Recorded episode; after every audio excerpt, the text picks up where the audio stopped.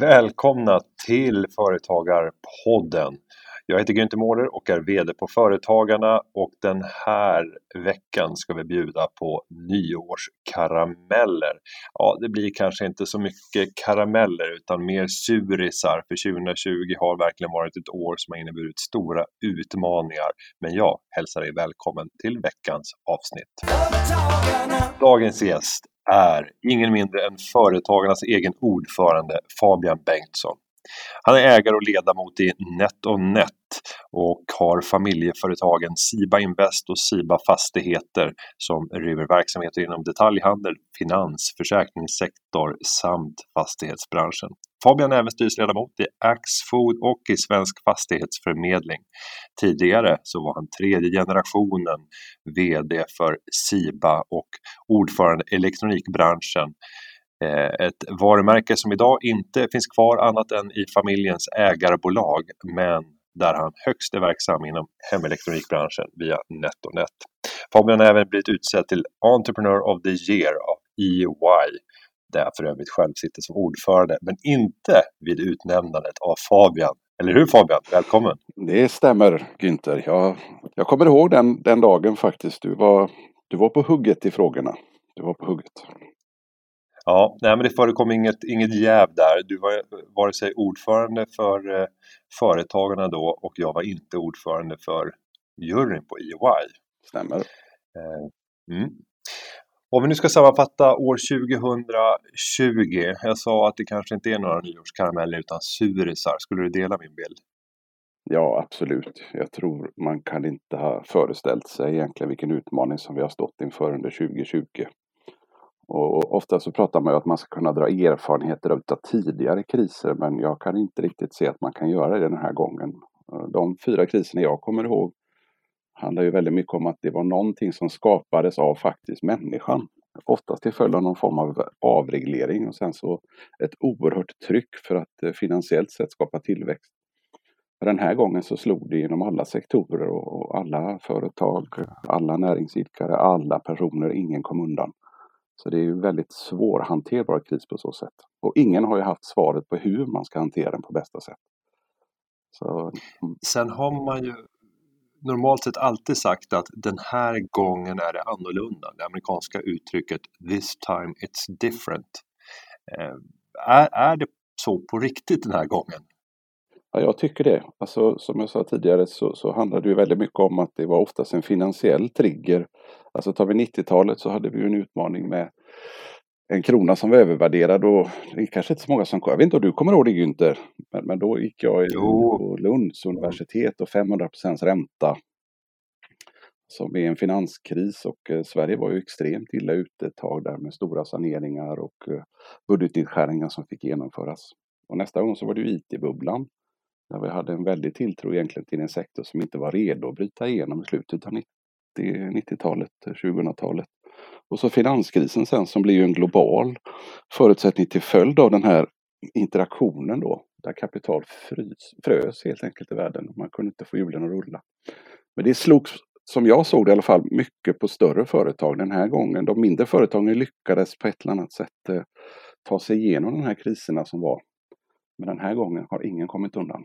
Men vi har ju varit några som har lyckats bättre till följd av att efterfrågan varit hög och andra har varit helt obefintlig efterfrågan. Oerhört tufft. Och sen skulle jag lyfta upp den snabbaste krisen som jag tyckte du missade där. Det var 1998 på hösten.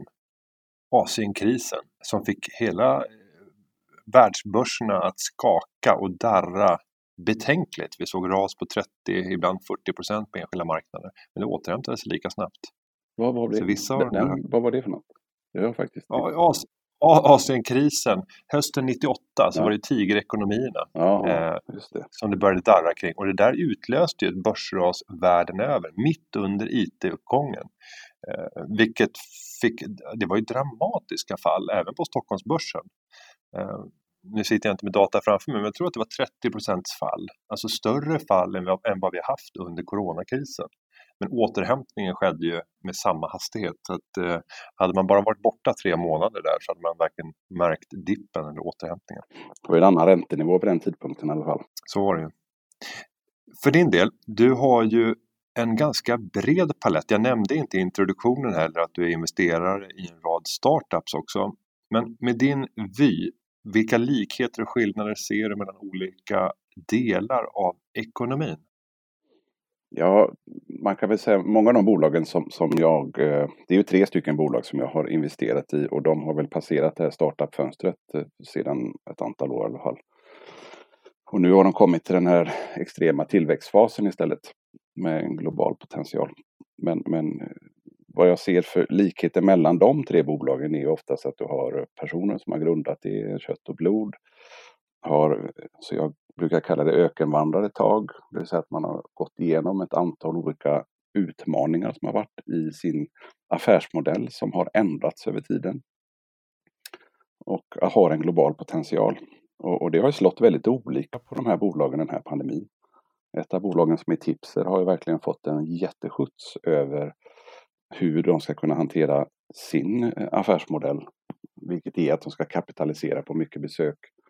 Framförallt inom de Eh, förlagsföretag och andra då som har väldigt mycket besök men inte kan göra försäljning utav det på e-handel.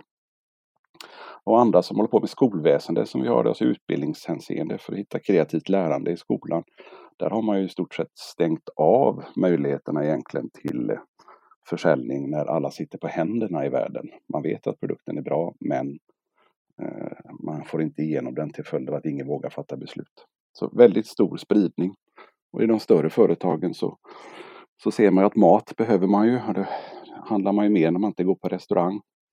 Och elektronik har ju varit en bransch som har gynnats av det här när man behöver jobba hemma.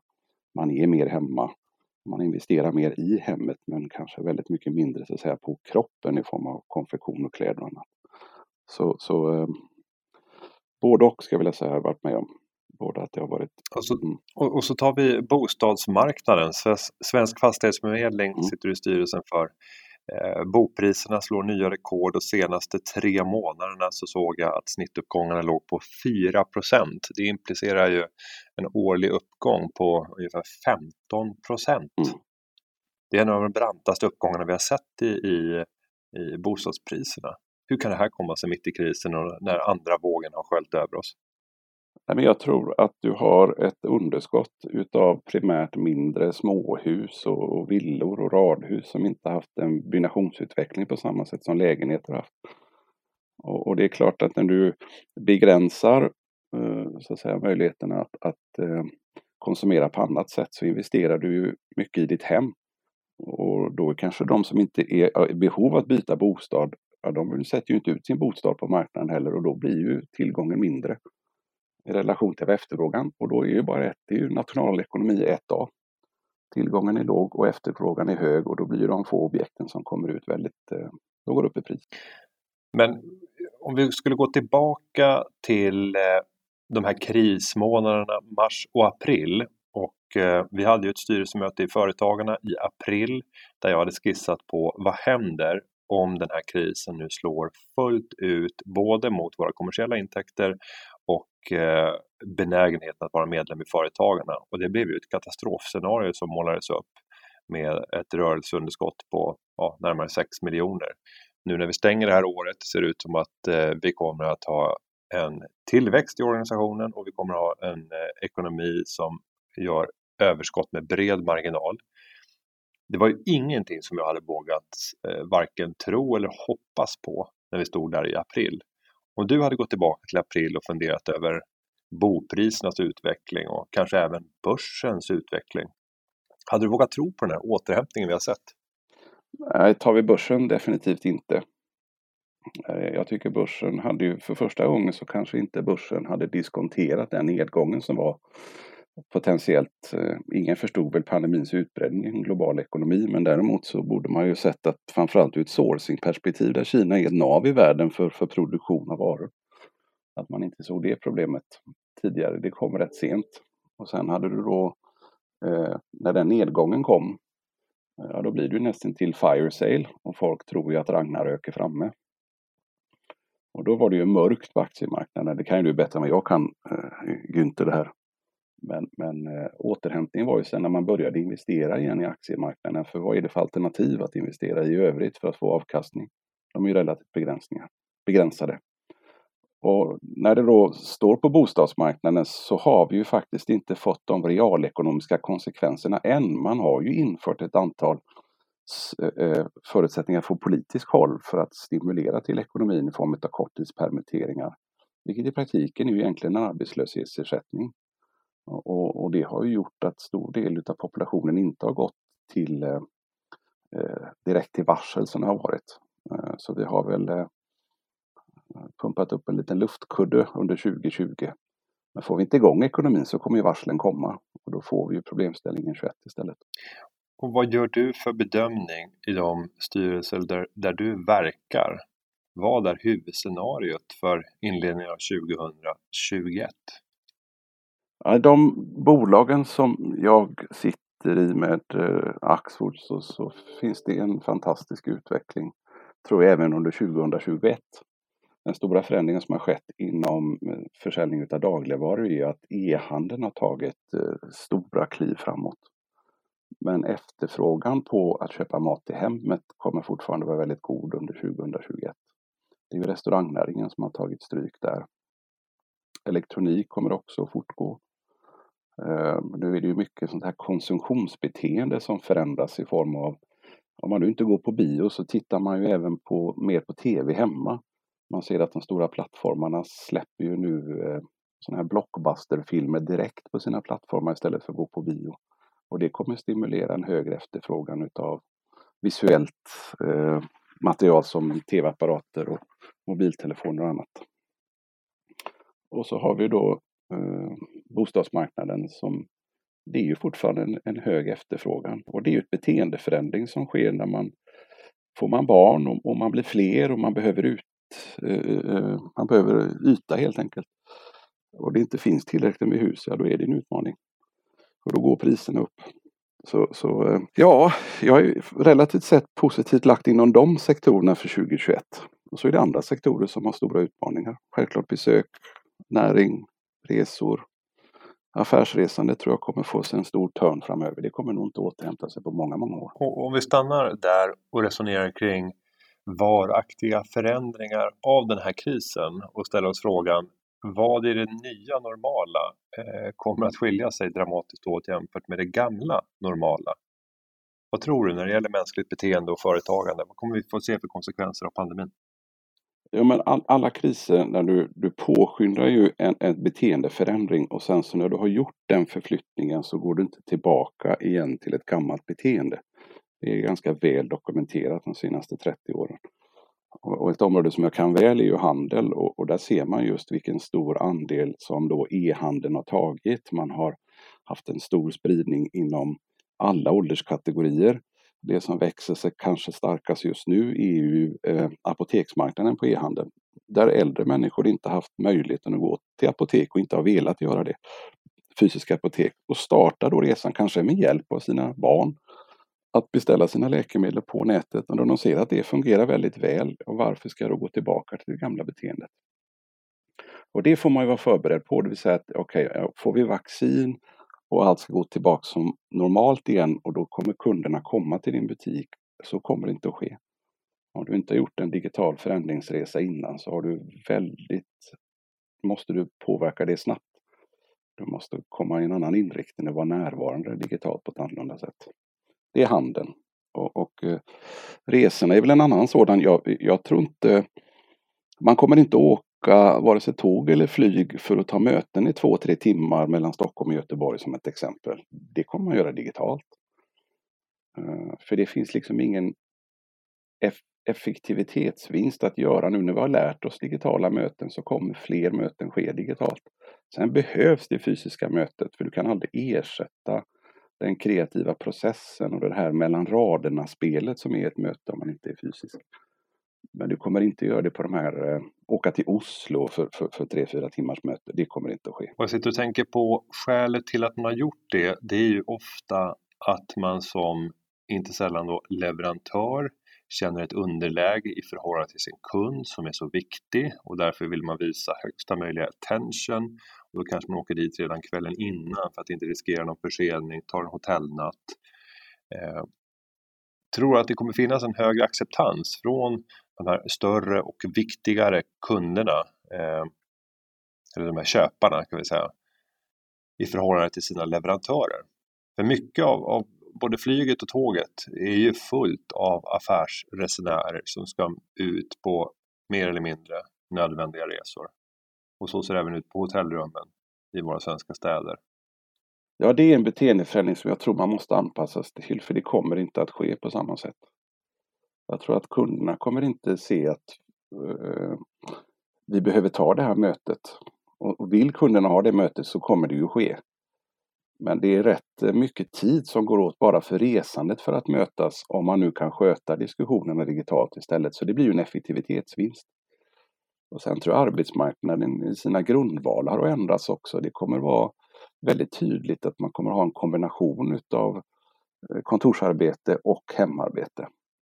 Det, det, jag vet på NetOnNet så pratar vi mycket om det. Vi kommer aldrig någonsin gå tillbaka till måndag till fredag 8 till 5 och sitta på ett kontor och jobba. Det kommer inte bli så. Och det öppnar upp möjligheter samtidigt. Eh, att man faktiskt inte behöver sitta i bil och pendla in eh, utan snarare frigöra tid. Det kanske skapar bättre miljö för personer också och minskad stressutveckling genom att inte göra det. Men just affärsresenärerna när de ska Eller, eh, eh, jag tror inte man kommer få samma access eller möjlighet till att frigöra tid för att boka de här mötena och därför kommer det få en, en, en minskning i resande och även i hotellövernattning. Och det är ju jättetufft för de som ska sälja. För man vill ju fysiskt kunna påverka andra till att fatta beslut. Då får man vara bättre att göra det digitalt istället. Vad kommer hända, tror du, på fastighetsmarknaden om vi tänker att behoven av kontor kommer att se annorlunda ut efter den här krisen? Samtidigt så pratar du om hotell som står inför stora beteendeförändringar. Vad är det för eh, förändringar vi kommer att se i städerna? Jag tror de stora förändringarna kommer ske faktiskt i storstäderna idag. Och, och då handlar det väl först och främst om, om du tar då handel som har haft en utmaning de sista tio åren i stadskärnorna. Eh, den ytan som har frigjorts, för det har ju stängts väldigt många butiker som inte kunnat bedriva handel på samma sätt för kundflödet inte är där. Det har tagits upp av restauranger och kaféer. När de heller inte får samma utveckling och människor inte arbetar i, i storstäderna på kontor vid samma tidpunkter, ja då kommer ju de också frigöras yta. Så börjar vi med, med, med, butikshandeln så ser man att den behöver konverteras på något sätt. Vad det ska bli, förut kunde man kanske göra det till kontor om den efterfrågan inte finns. Vad är det då någonting annat man kan göra istället och då kanske det är bostäder. Men det är inte helt lätt att på plan ett med stora skyltfönster bygga bostäder. Det, det tillåter inte ens detaljplanen idag. Som det. Och vi ser också att det är en förändrad efterfrågan på kontor. De stora öppna kontoren, där har man inte den ytbehovet längre. Utan eh, eh, man behöver ju mer eh, öppna landskap har ju varit svårt i en pandemi framöver. Att man ska sitta tätt, tätt med varandra. Det har blivit en jättestor efterfrågan på mindre konferensrum där man kan föra digitala möten. För det är jättesvårt om man sitter mitt emot en kollega och, och, och föra ett digitalt möte också och prata relativt högt. Så det blir en stor förändring och här kommer det liksom över tid både butikshandeln, kontorshandeln det enda man med säkerhet kan säga det är att det kommer fortfarande finnas efterfrågan på bostäder. Men då primärt ska jag vilja säga eh, småhus, villor, parhus. Där tror jag efterfrågan kommer vara större medan det kommer vara ett överskott av lägenheter över tid. Mm. Så du skulle inte spekulera i eh, innerstadslägenheter idag? Ja, det beror ju helt på. Tittar du in i stadskärnorna innanför slussarna i, i Stockholm eller i i Göteborgs innerstad och det är stenhus så kommer det alltid finnas en efterfrågan. Eh, det är jag helt övertygad om, för där är ju inte exploateringstakten lika hög. Men i nybyggda områden så kan det finnas en, en, en utmaning. När du kommer till de här extrema priserna, så norr om 100 000 kronor kvadratmetern för en nybyggnation. Där tror jag folk tänker till. Samtidigt som kranskommunerna kan få en blomstring. Det vill säga att man faktiskt väljer att flytta ut från storstäderna till kranskommunerna istället och får eh, bättre förutsättningar att kanske bygga ett hus eller eh, och så pendla in ett antal dagar då till storstaden när man då inte behöver göra det fem dagar i veckan. Om vi eh, går tillbaka eller vidare till eh, just styrelsemöten, det är ju de gångerna vi framförallt ses. Där vill jag tro att vi kommer få se en helt annan typ av acceptans för att köra kanske hälften av de här mötena i, i digital form. Det här är ju någonting som också kommer att slå mot eh, all business som skapas när styrelseledamöter reser över landet för att avhålla sina möten. Men om vi tittar på styrelsemötena rent generellt, vad tror du att det kan få för effekter om vi nu får se en ny värld där allt fler av mötena är digitala? Vilka far och nackdelar ser du med det? Uh, jag tror nackdelen är just att kunna se mellan raderna på agendan och, och, kunna ha en interaktivitet och se kroppsspråket som sker mellan olika ledamöterna eh, där frågor belyses på ett sätt som kanske inte... Det är svårt i ett digitalt möte att se nyanserna. Digitalt är ju etta eller nolla, alltså förstå eller inte förstå ungefär. Men att kunna se folk i ögonen, se hur man reagerar när man sitter och bearbetar tuffa frågor i ett styrelserum när man är fysiskt närvarande är annorlunda. Så jag tror som du säger, det blir en kombination. Kanske hälften av mötena är eh, fysiska och då, då kanske man bearbetar större strategiska frågor, ventilerar, diskuterar, medan de digitala mötena mer, mer blir kanske avhandlingsfrågor. Alltså formalia som vi behöver göra där inte du behöver se nyanserna mellan raderna på samma sätt. Så jag tycker det är bra. Jag ser inte nackdelen med det faktiskt. Om inte annat ur ett hållbarhetsperspektiv så, så eh, är det en omställning. Kan det till och med vara så att strukturen förändras? Det normala brukar ju vara 6 till 8 styrelsemöten per år i, i, en, i organisation eller större företag. Kan det tänkas att det blir fler möten men kortare när allt fler av dem blir digitala, att man på så sätt får en, en snabbare återkoppling från verksamheten? Ja, det kan jag tycka var en trend. Det är ju fullständigt olidligt att sitta eh, 8-10 timmar som ibland är styrelsemöten i ett digitalt forum. Då kryper man ju på väggarna. Så att vi har ju komprimerat tiden i alla fall i de styrelserna som, som eh, jag sitter i när vi har digitalt möte. Ehm, så, så, definitivt så blir det en annorlunda form utav möte. Men det behövs det fysiska mötet. Jag, jag, jag märker det också. Det, det, är väldigt utmanande för ett företag att, att, att, att inte träffas. Och det vet jag vi har gjort bland annat på NetOnNet. hur ska man kunna få medarbetardiskussioner? Hur ska man kunna få eh, den kreativa processen att kunna utvecklas på svåra frågor? Och det har vi lyckats med genom att ta möten utomhus. Vi har ju utnyttjat det så att vi kan gå och powerwalka och ha möten tillsammans på ett annorlunda sätt. För att då begränsa den fysiska närvaron men ändå vara fysiska i mötet. Så, men kombinationen ja, 50-50 är inte orimligt Günther. Jag tycker vi kommer ha det på Företagarnas riksstyrelse också eh, under 2021 och framåt. Om vi just tittar på kreativiteten så är det ett område där jag bedömer att vi lider stor skada av de arbetsbeteenden och mönster som vi har idag när allting är i hög utsträckning digitalt och medarbetarna inte träffas. Mycket fungerar och mycket fungerar långt bättre än vad jag hade kunnat våga föreställa mig innan den här pandemin. Men ett område så haltar det och det är i det här nytänkandet, i samskapandet, kreativiteten.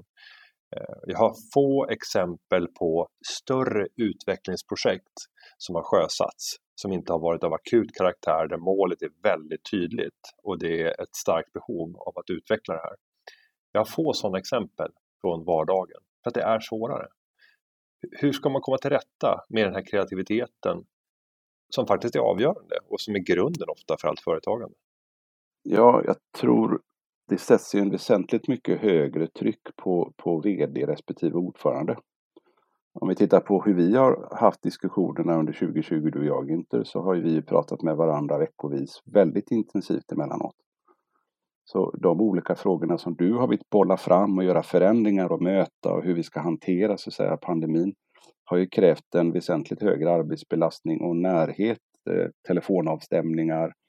Vi har träffats fysiskt eh, under året bara för att kunna bearbeta och ha någon att bolla med. Men svårigheten blir att få hela styrelsen interaktiv i frågorna på digitalt eh, distans. Så, så ett tips är väl att vara väsentligt mycket mer närvarande eh, mellan ordförande och VD och föra diskussioner i stort sett dagligen. Då tror jag du kan få del av den kreativa processen framåt. Man behöver ju som, som VD stämma av ett antal olika frågor och även som ordförande reflektera och bolla med någon intensivt när snabba beslut måste fattas på ett snabbt sätt. Ehm. Så du tappar interaktionen med hela styrelsen. Men förhoppningsvis så plockar du upp eh, effektivitet och kreativitet genom att vara närvarande mellan vd och ordförande. Det har, jag, det har jag sett flera exempel på andra bolag också. Och det tycker jag fungerade bra i vårt fall.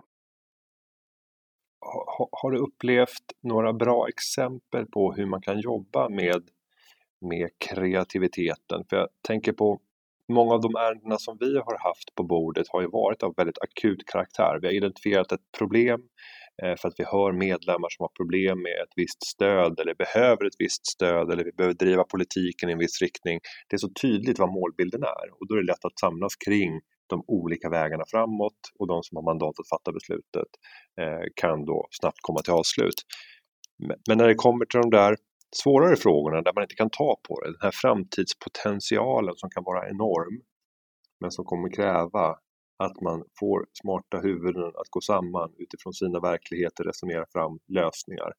Har du varit med om exempel där du har sett på styrelsenivå eller i ledningar i bolag där du har varit engagerad att eh, man har hittat modeller för att kunna göra det här? Så att det funkar även digitalt. Jag tycker i företagarnas fall så har vi, menar, vi, vi, vi jobbar ju med tvåårscykler i form av ett kongress och det hade vi en digital kongress i våras. Och sen ska det ju sättas verksamhetsplansutveckling för de närmaste två åren då, vilket är 21, 22. Och, och hur gör man då? Hur får man interaktion, kreativitet, belysa de stora frågorna när man inte kan ses och diskutera dem? Och då var det ju involvering från Eh, eh, riks ut i organisationen på förtroendevalda för att liksom knåda och bearbeta de stora frågorna och sen koka ner dem till ett, en gripbar verksamhetsplan som vi alla kunde skriva, eh, skriva under på. Och, och, det fungerade ju.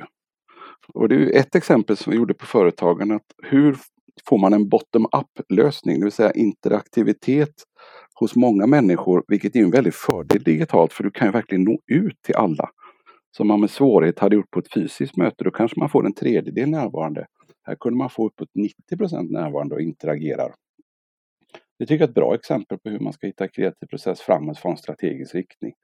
Och samma har skett i de övriga bolagen som jag varit involverad i. att Du måste engagera dig, du måste läsa väsentligt mycket mer. Vissa av bolagen får man underlag på 300-400 sidor som ska gås igenom.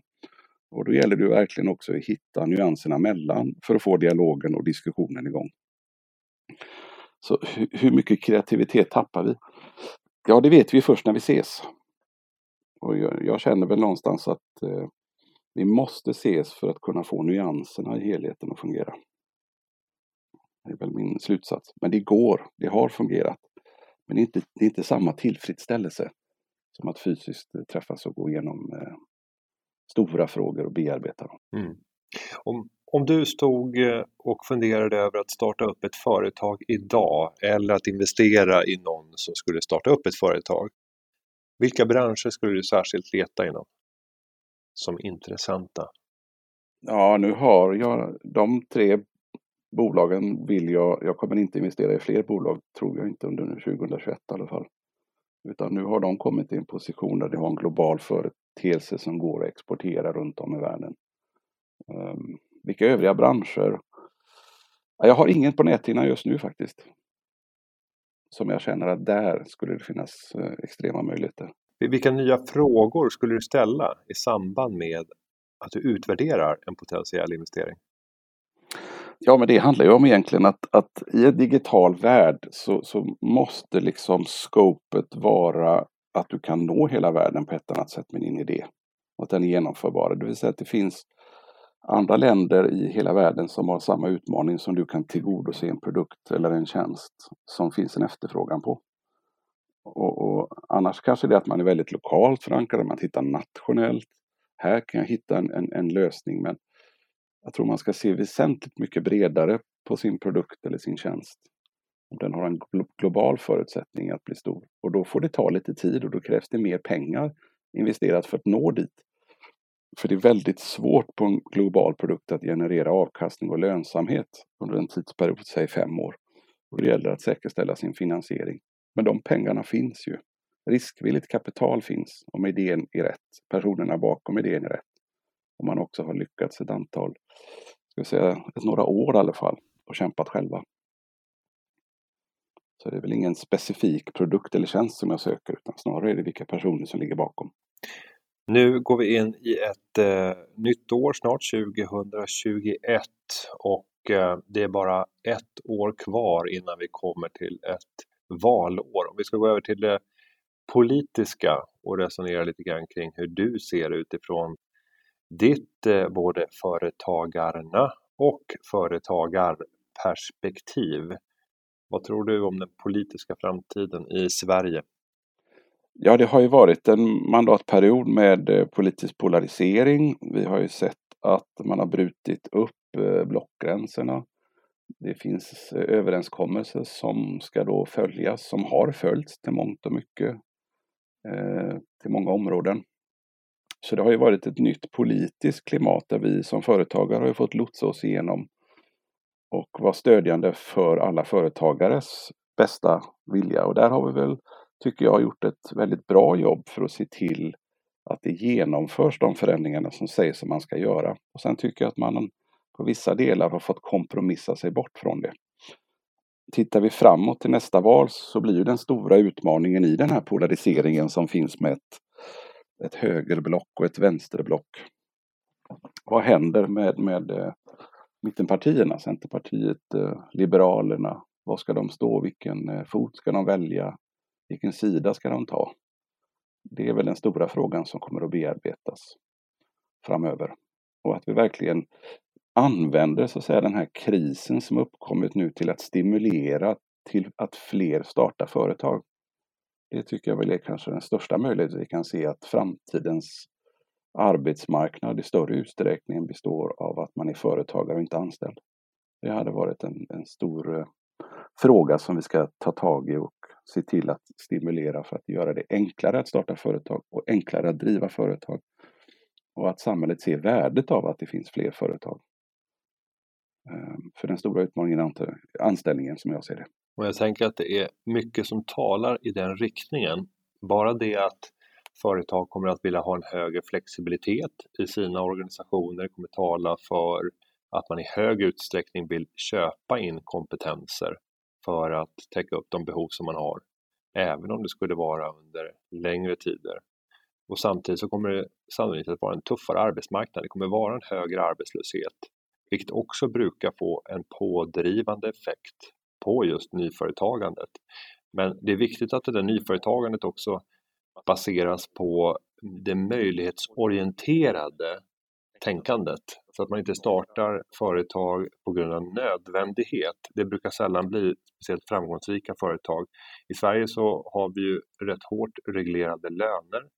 Eh, det enda sättet att runda det systemet det är ju att själv kunna bli företagare och fakturera. För där finns det ingen gräns för hur lite man får ta betalt. Vilka risker ser du för att vi får se allt fler företagare som gör det av ren nödvändighet för att ta sig in på arbetsmarknaden genom lägre löner, genom att fakturera lägre belopp än vad som hade varit godtagbart om de hade varit anställda. Ja, men det är ju, stora företag kommer ju att effektivisera och kunna investera i automation och, och, och där, där blir det inte samma drivkraft för anställning som det har varit tidigare. De mindre företagen har ju varit drivande för att anställa folk. Jag menar fyra av fem jobb har ju skapats av mindre företag sedan 90-talet här i Sverige. Nu har vi kommit dit tror jag att, att innan den här krisen så var ju största utmaningen i Sverige att vi hade kompetensbrist. Förhoppningsvis kan den här krisen göra att människor som är i en så kallad trygg anställning, om det nu finns en sån, går över till att bli företagare för att sedan kunna sprida sin kompetens till fler andra företag. Då skapar vi en effektivitetsvinst, men det slår ju samman samtidigt ut en stor population av människor som då har enklare arbeten. Och där har vi inte knäckt nöten än. Och när de här stora barriärerna på relativt sett höga löner för enkla arbeten. Hur ska det bli? Vi har en, en gigekonomi, vi, vi har människor tar eget ansvar, man, man, man kör ut mat, man, man kör taxi via Uber-plattformar och annat som som finns där sätter ju strukturen i sina valar, att fler och fler tvingas in i egen företagsamhet. Och det är viktigt att det inte blir en spiral nedåt, att det är det absolut billigaste alternativet som vinner. För då tror jag vi är farligt ute. Utan det, det krävs ju stora reformer här nu. Det krävs ju att, att beskatta inkomst av tjänst i den nivån över tid kommer inte att fungera. Hur ska vi göra en stor skattereform de närmaste tio åren som ska kunna skapa och fördela den välfärd som genereras? Och det, är ju, det är stora frågor som kommer bearbetas framöver som vi måste ta tag i. Vi kan inte blunda för dem längre. Och vi måste skapa integration och tillhörighet också med, med eh, människor som har kommit till Sverige. För får man inte jobb så är det en väldigt stort problem som kommer vara så långvarigt och skapa andra belastningar i samhället som vi nu ser dessvärre med, med eh, stora utmaningar som sker. Så, så, företagsamheten har en tendens att minska belastningen på samhället, det vill säga att man tar ansvar för sig själv. Och det tycker inte jag vi ska vara rädda för att eh, trycka på. Jag menar, även om det skulle vara en lite dålig dag så måste du ändå öppna din butik. Eller du måste gå och kunna svara i telefonen. Och det gör att belastningarna på samhället minskar om det är fler företagare som tar eget ansvar. Om de är själva och sen så tar de steget att anställa någon. Det måste vara enkelt och det måste inte vara för dyrt. Och det, vi har inte svaren än Günther, men vi ska bearbeta dem under den närmaste tiden för att se till hur vi vill se Sverige framöver 2040, 2050. Vart är vi på väg? Och den bilden vill vi gärna måla upp för att se hur utvecklingen kommer att ske. Och på frågan om att ta ansvar för sig själv. Ett nytt år kan också innebära nyårslöften. Finns något nyårslöfte från Fabian Bengtsson? Nyårslöftet? Ja, det är väl som alltid, ja. träna lite mer, äta lite mindre. Du är ju en inspirationskälla där Günther. Du är ju smal som en jakthund numera. Eh, och eh, lösningen dit är ju att eh, köpa billiga Kelda-soppor eller soppor och sen så röra på sig mer. Så du har ju haft möten i powerbok-formatet i absurdum i år, tror jag. Ja. Att, ja, det är inte svårare än så. Men är det, är det löftet, får jag, får jag vara den som hetsar på där? För vi ska ju gå tillbaka och titta på hur, hur såg utgångsläget ut? Och när vi hade vårt strategimöte, vi befann oss på Gimo i, i eh, Uppland. Då tror jag att jag vägde fem kilo mer än vad du gjorde, ja. kanske till och med tio kilo mer. Och idag så är det 15 kilo mindre. Nej, jag kommer så väl ihåg det. Om det fanns en slatt kvar i glaset så frågade jag om du kunde få dricka det. Jag hade jag inte ätit upp den sista köttbullen och lite mos så kunde du gärna tänka dig att slinka ner det också. Så att, ja, eh, jag vet eh, som inspirationskälla, jag, jag behöver röra mig mer. Jag har börjat lite lätt nu. Och det är väl nackdelen med att man också sitter så mycket som man gör i de här digitala mötena, att du måste ut att få din kropp i rörelse för att kunna må bra. Så, så det kan vi definitivt väl ta som ett löfte. Sen att jag blir en jakthund, som var du egentligen hösten 21, det får vi ju se. För, för eh, du är ju en ung man, jag börjar komma till åren här nu. Så det är större utmaning för de äldre. Men en stövare kan vi ha som målsättning. ja, Fabian Bengtsson, ordförande för Företagarna i Sverige. Stort tack för att du eh, deltog så här via länk i Företagarpodden.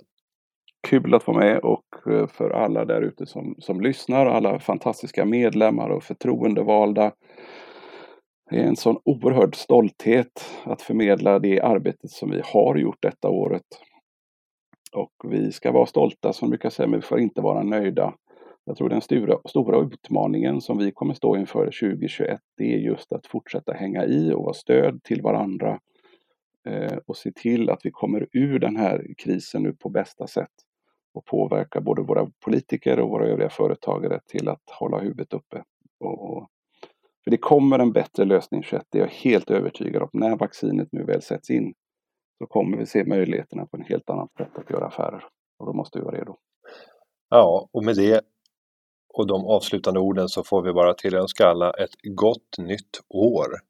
Eh, och vi ska säga att för underlaget står David Hagen som har legat till grund här för dagens program och klippningen den är som vanligt gjord av Petra Cho. Gott nytt år! Vi ses på andra sidan. Tack igen Fabian. Hej då! Ha det bra. Tack, hej! Företagarna, ja, ja, ja, ja, ja, ja. Företagarna, ja, ja, ja, ja, ja.